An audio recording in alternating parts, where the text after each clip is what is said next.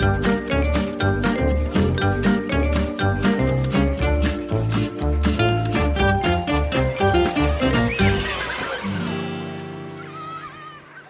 læreplaner er klare, og det betyr også at lærere skal legge til rette for elevmedvirkning i alle fag. Men hva er egentlig elevmedvirkning, og hvordan funker det i praksis? Er en større grad av elevmedvirkning, eller medbestemmelse, noe som passer for alle elever? Og hva betyr elevenes økte medbestemmelse for lærerrollen? Ja, dette er blant spørsmålene vi skal snakke om i denne episoden av Lærerrommet, som spilles inn fra fire ulike steder via en digital plattform. Velkommen, navnet mitt er Vigdis Alver. Og jeg heter Marius G. Vik. Ja, fagfornyelsen gjør at mye blir nytt i alle fag, både for lærere og elever. Når det gjelder elevmedvirkning, har stortingsmelding 22 fra 2010-2011 formulert følgende om sammenhengen mellom elevmedvirkning og motivasjon. Når elevene får lov til å sette egne mål og observere og evaluere sin egen læring, fremmes motivasjon. En slik elevmedvirkning er viktig for at læringsmål og aktiviteter skal oppleves av elevene som en del av deres egen læring. Dette er altså ikke noe nytt i skolen, men nå skal elevene få mer å si. Og undersøkelser har også vist at elevmedvirkning forstås og praktiseres på ulike vis. Og med oss inn hit i denne episoden så har vi med oss eh, to gjester. Og velkommen høyskolelektor Bjørn Øyvind Bugge ved Avdeling for lærerutdanning ved Høgskolen i Østfold. Hei sann. Og velkommen til deg, Kristin Schulz. Du er ny leder av Elevorganisasjonen, og dermed representerer du de aller fleste elevene i Norge. Ja, hallo. Og det er jo dere elevene som nå altså skal ha økt medvirkning i skolen, eh, Schulz. Og hva er egentlig elevmedvirkning? Altså For meg så ser jeg egentlig på elevmedvirkning bare som en samtale om læring, eller om fysisk eller psykososialt miljø og andre forhold som man har på skole. Eh, hvor man ikke bare blir hørt, men også lytta til. Eh, det handler jo egentlig bare om at man skal ha noe å si på det som omhandler seg sjøl. Eh, vi vet jo at veldig mange andre plasser i samfunnet så er det jo mottakeren som setter litt premisser for det som skal bli gitt, men dette er ikke helt tilfellet i skolen ennå. Eh, så vi har lyst til å jevne litt den ut og sørge for at læreren vet hvordan de skal lede klassen sin gjennom undervisninga. Fordi det er jo elevene som vet best hvordan det er å være elev, og det er de som best vet eh, hvordan de får godt utbytte av sin undervisning. Eh, så da må man jo snakke med dem om det. Men hvorfor er dette en så viktig sak for elevene? Kan du si litt mer om det? Vi vet jo at eh, Elevmedvirkning er jo en faktor som bidrar til at folk blir motivert, at de blir engasjert og at de faktisk føler at de får et godt utbytte av undervisninga. Eh, og vi vet at vi har jo vokst opp i et samfunn nå hvor vi, vi har ikke elevmedvirkning fra første til syvende trinn på grunnskolen. Og så begynner vi, eh, eller noen begynner rundt femte klasse, noen begynner rundt åttende klasse med elevråd. Og dette gjør jo at man blir litt sosialisert inn i en hverdag hvor man man ser for seg at man skal ha en passiv rolle i skolen, eh, i stedet for å faktisk kunne medvirke aktivt. Eh, som gjør at mange ender opp med å føle at eh, nei, min stemme har ikke så veldig mye å si. Og når vi først begynner med elevmedvirkning, så er det få som faktisk tør å, å, si det de mener, fordi de ikke føler at det er på deres plass pga. måten man har blitt behandla på. Og det er jo for så vidt greit nok i skolen. Det er jo kjempetrist at det er sånn, men dette har jo også mange større effekter. Eh, sånn som Vi ser jo at det er mange elever som etter de går ut av grunnskolen etter de går ut av videregående, pga. dårlig elevmedvirkning og at de føler at de aldri blir hørt og aldri blir lytta til, eh, rett og slett tenker at deres stemme ikke har noe å si. Eh, og Dette kan også påvirke f.eks. valgdeltakelse som er den reneste formen for demokrati vi har i Norge. Når tidligere elever har sett på eh, valgdagen, så tenkte de bare ja, men min lille stemme har jo ingenting å si. Jeg fikk jo ikke engang den vannkokeren i klasserommet. Hvordan skal min stemme ha noe å si i dette store valget?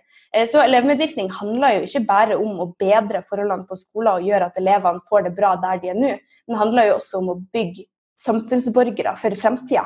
Det handler jo om å danne fremtidens generasjon. Nei, jeg skjønner at dette er en uh, viktig sak for dere. Og så er det sånn at en masteroppgave fra Universitetet i Nordland fra 2014, et hovedfunn i den, viste at uh, blant elevene i utvalget så så det ikke ut til at de ønsket mer elevmedvirkning, selv om de rapporterte at den medvirkningen de hadde, lå på et ganske lavt nivå. Elever er jo ingen uh, homogen gruppe. og Hva tenker du at et funn som dette kan være et uttrykk for? Altså, dette er jo absolutt et uttrykk for at elevene ikke føler at den elevmedvirkninga de kommer med, nytter. Det er jo fordi de gidder jo ikke å engasjere seg når de vet at uavhengig av hvor mye de engasjerer seg, så skjer det ingenting uansett. Og da vil man heller bare droppe det. Og det er jo en konsekvens av at man i så mange år har ikke blitt tatt på alvor. Når man først har prøvd å engasjere seg, så har man kanskje bare møtt på en lukka dør eller en vegg, eller bare blitt avfeid av meningene sine. Fordi selv om det tenker det er mange der ute som bygger opp elevene og legger til rette for elevdemokrati, så er det også mange skoleledere og lærere og andre der ute som ser på elevråd litt som et tullete, lovpålagt liksom-demokrati. Eh, og Det gjør jo at elevene også får de holdningene. Eh, så for å forhindre at dette skjer i fremtiden og for å faktisk bygge et sterkt elevdemokrati, så må vi ikke minst starte tidlig, men vi må også endre de holdningene vi har på elevmedvirkning i dag. Bjørn Øyvind Bugge, du har jo lang fartstid i skoleverket. Du har vært lærer i ungdomsskolen, du har vært assisterende rektor og du har vært eh, skoleleder. Hva er de viktigste prinsippene for vellykket eh, elevmedvirkning, mener du? Jeg tenker jo at uh, elevmedvirkning først og fremst er et prinsipp, et læringsprinsipp.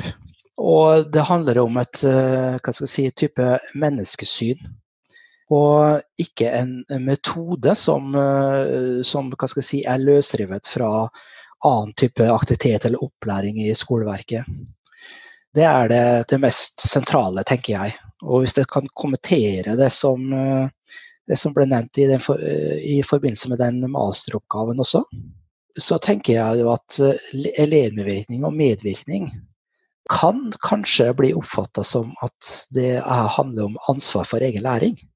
Og elevmedvirkning er at elevene får bestemme på hvordan de skal løse de ulike oppgavene. Så får de en oppgave, så får de et eller annet tidsrom, og da skal de være ferdig med det her.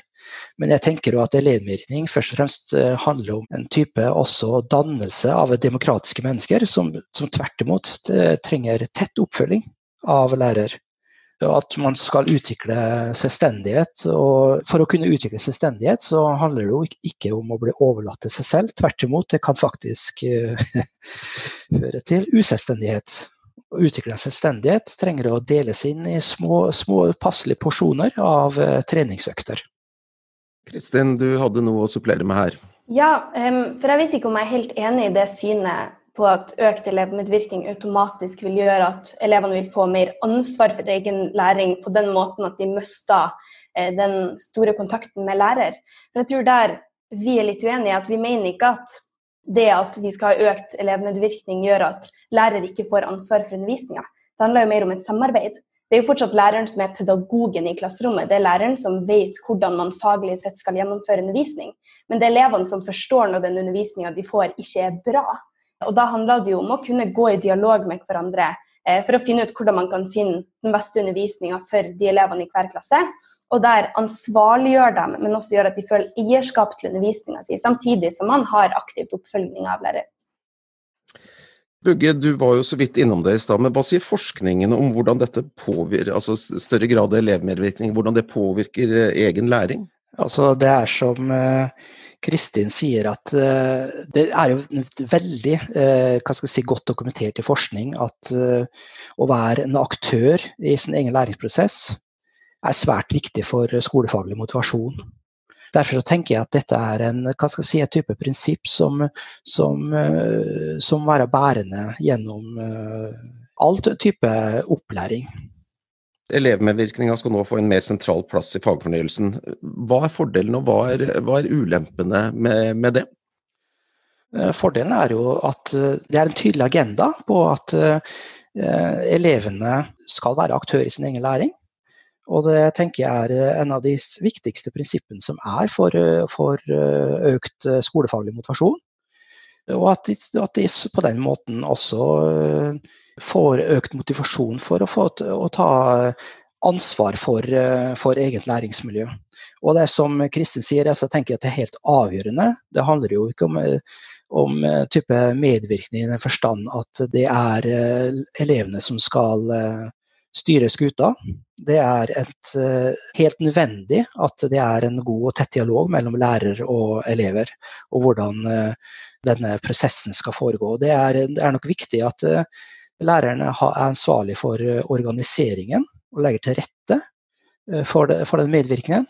Men hvordan eh, si, prosessen underveis skal foregå, og at det legges inn type valg for hvordan elever skal kunne løse oppgaver, er nok helt avgjørende for, for motivasjon.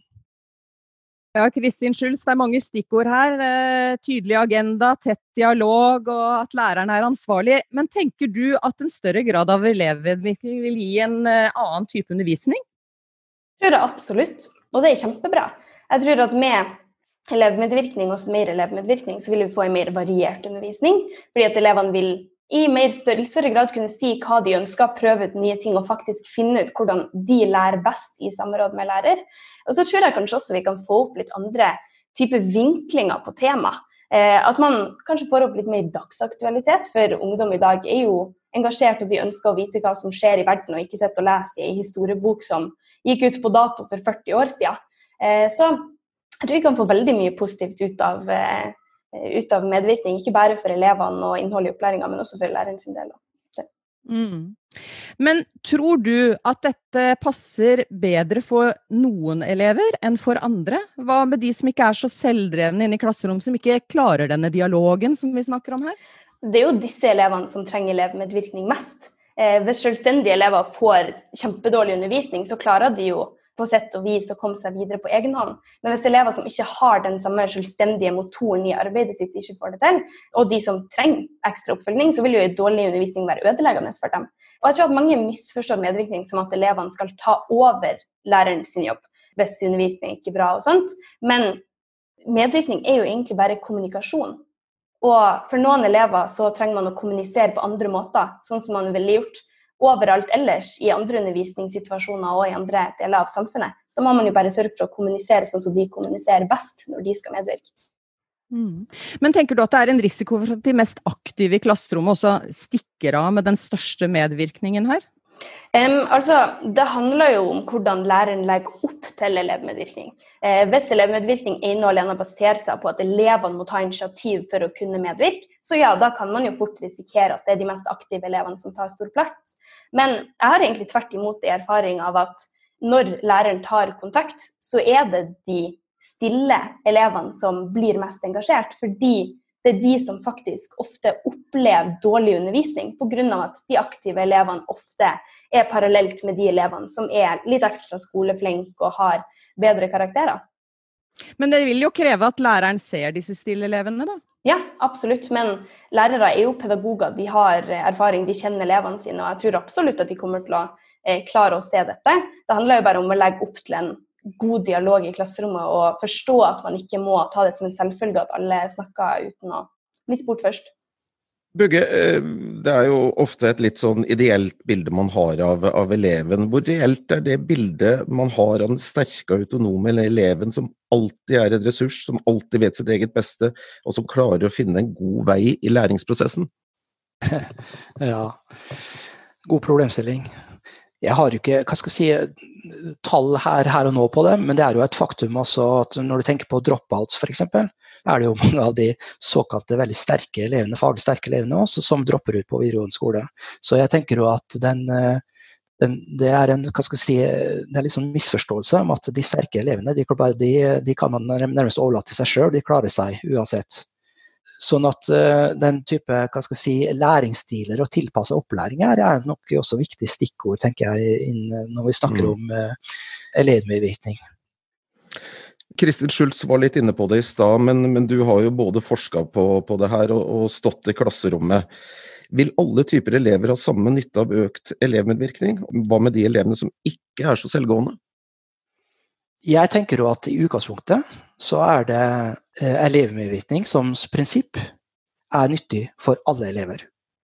Sånn at når, eh, når det er elever som eh, ikke vil kunne nyttiggjøre seg her, så tror jeg at det skyldes at du har en type organisering av opplæringen som, som, ikke tar høyde for at elever er ulike og har ulike stiler og tilnærming for å ytre seg.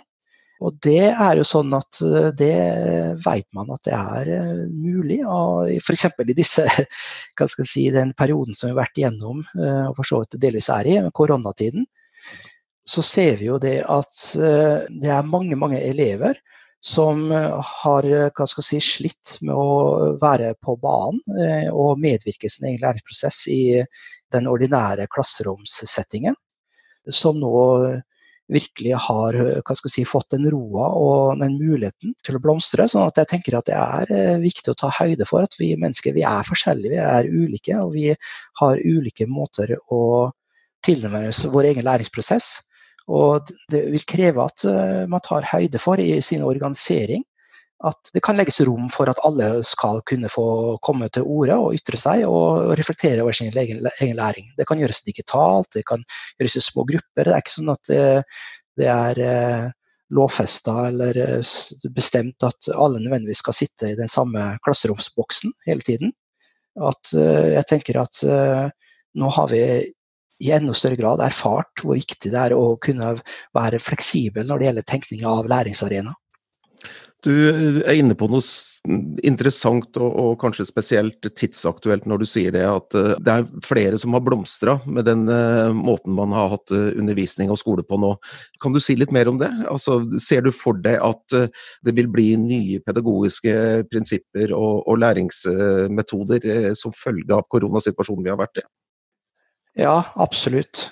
Jeg har vel kanskje vært i en samtale med sånn rundt 100 lærere, tenker jeg, i, koronatiden gjennom ulike sånn Teams-møter og etc. Og jeg skjønner jo disse innvendingene og de si, problemstillingene med at det såkalte sårbare elever, at det har vært vanskelig for en del.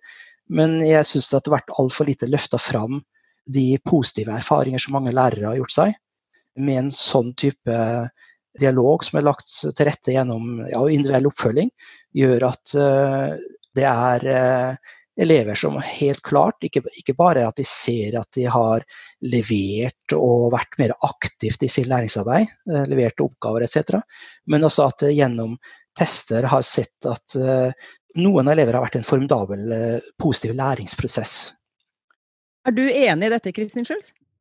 Altså, jeg tror at det absolutt er noen som har blomstra i koronaperioden, men jeg tror at det varierer veldig. Det jeg tror er veldig fint med denne perioden, er at mange har blitt mer obs på hvordan de faktisk lærer best. Eh, de som eh, er selvstendige, de har funnet ut at det funka veldig greit å kunne sitte hjemme og sette seg inn i fagstoff sjøl, mens de som sliter ekstra på skolen, de har slitt enda mer nå med korona.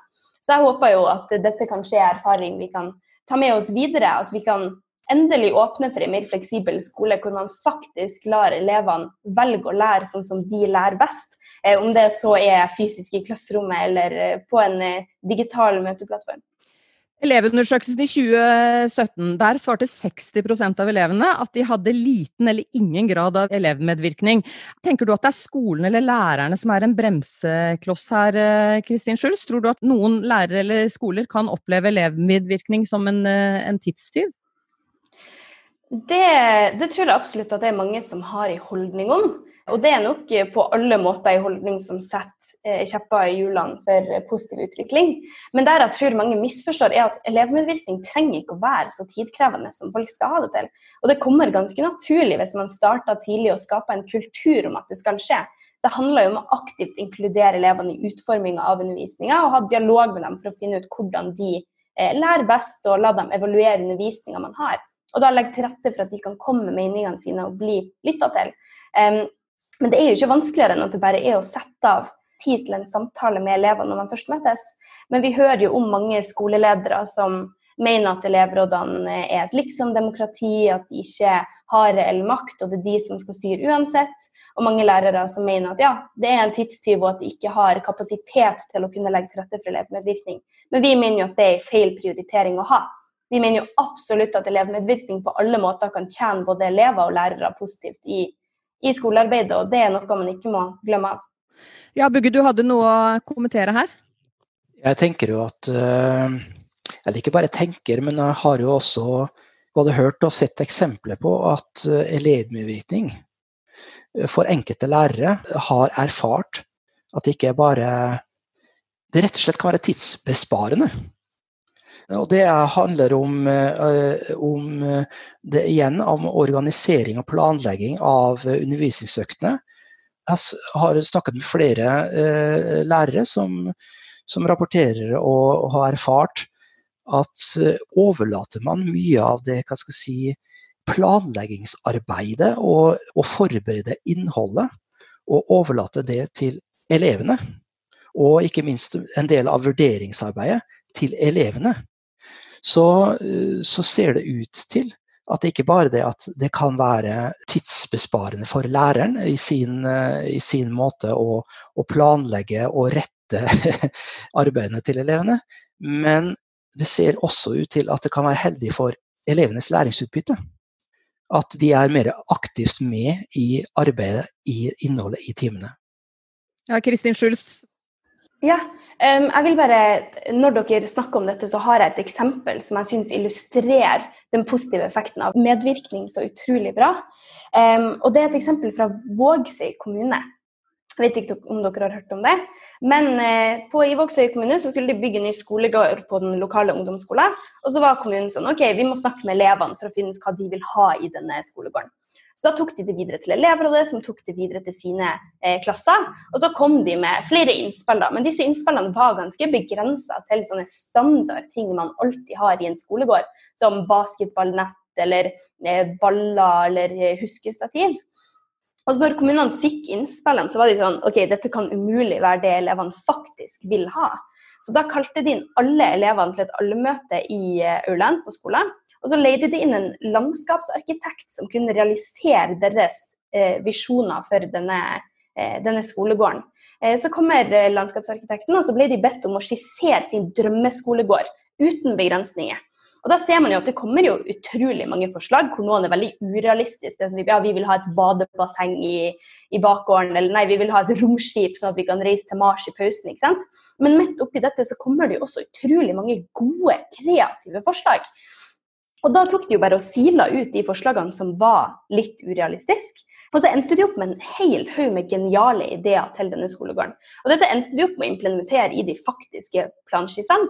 Og det som nå har blitt Eh, konsekvensen av dette er at liksom, skoler rapporterer at alle elever er ute i alle friminutt, og det er ingen av stativene i skolegården som står tom. Og Det visualiserer veldig fint hvordan medvirkninga faktisk bidrar til å øke engasjementet og motivasjonen til elevene. For Hvis det var det at de hadde fått bidra til å utforme noe, så vil de også tydeligere se verdien av det produktet. Og Det samme gjelder jo for f.eks. undervisning, eller skolemiljø eller tiltak mot mobbing.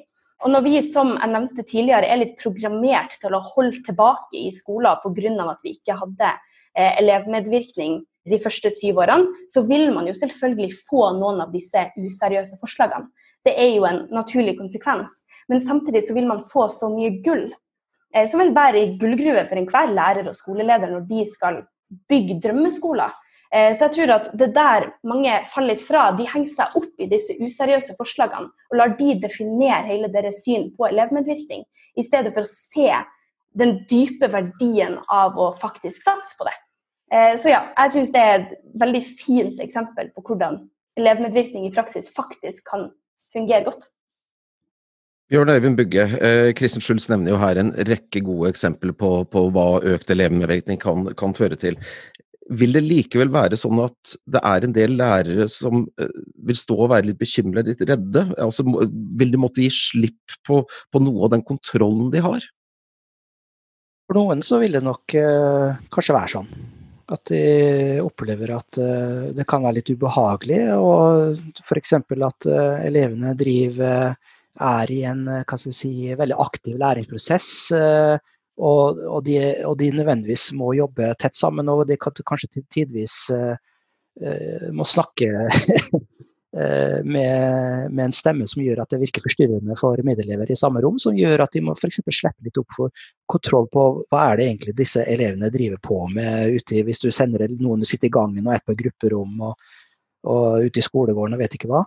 Så handler det nok om, mye om det. Men jeg, min erfaring altså er jo at uh, de fleste lærerne er uh, veldig fortrolige med, med, å slippe opp uh, den type kontroll. Og at det er relativt etablert praksis hos de fleste.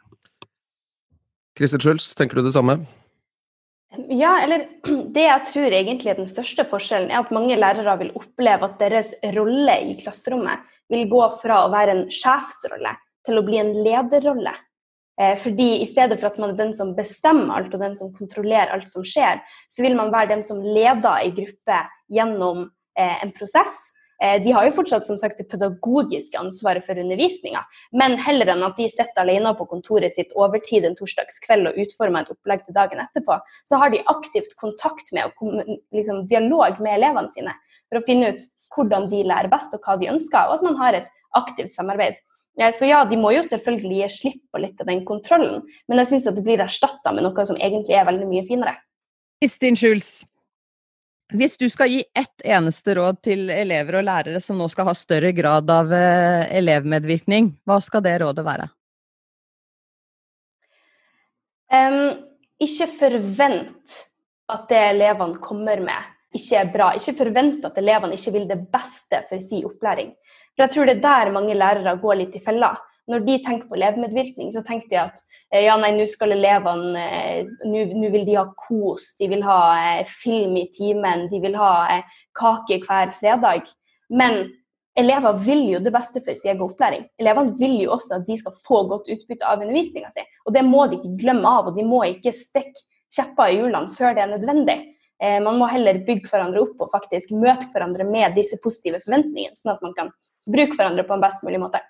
Ja, Bugge, vi må jo nesten stille deg det samme spørsmålet. Hva må til for at økt elevmedvirkning skal bli en suksess?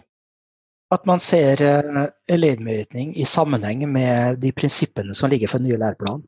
Altså jeg tenker jo at f.eks. Eh, hva som står i lovverket da, når det gjelder eh, egenvurdering f.eks. Det er jo ikke mulig å, å ha god egenvurdering uten elevmedvirkning. Og, og, ikke minst det med prinsippene med dybdelæring.